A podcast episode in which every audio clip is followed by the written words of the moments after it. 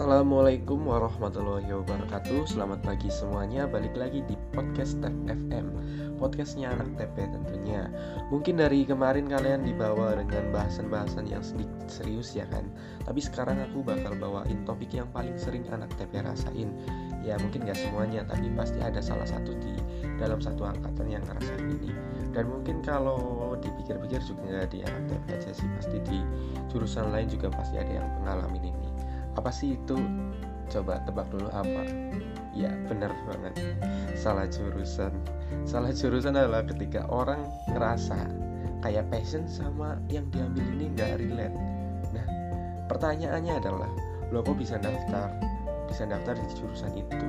Nah, kalau menurut aku ada beberapa faktor mungkin dari yang pertama adalah terkendala nilai karena sistem UTBK ini dari tahun 2019 sampai 2021 ini ada pergantian-pergantian dari 2019 itu keluar dulu nilainya baru kita daftar. Jadi karena terkendala nilai jadi kita e, nyari jurusan-jurusan yang aman gitu. Dan salah satunya adalah TP gitu.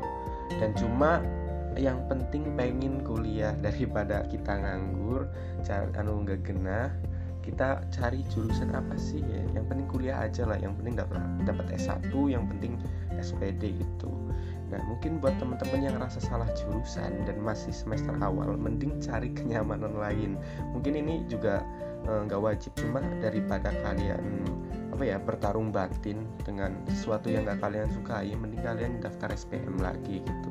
Tapi kalau nggak diterima ya sadar diri mungkin memang jalanmu di situ dan harus diselesaikan sampai akhir. Kan sayang juga udah uh, bayar UKT tapi nggak selesai. Jadi mending diselesaikan gitu.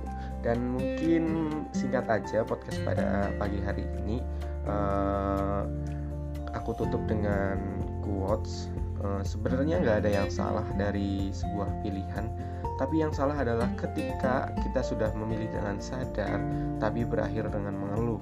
Dan yang salah lagi adalah ketika kita sudah mengeluh tapi kita tetap berada di pilihan itu. Semoga bermanfaat obrolan santai pada pagi hari ini. Mungkin kalau ada buruknya jangan diambil tapi kalau nyari baiknya ya silahkan. Tapi kayaknya emang hampir gak ada sih. Terima kasih buat semuanya yang udah dengerin. See you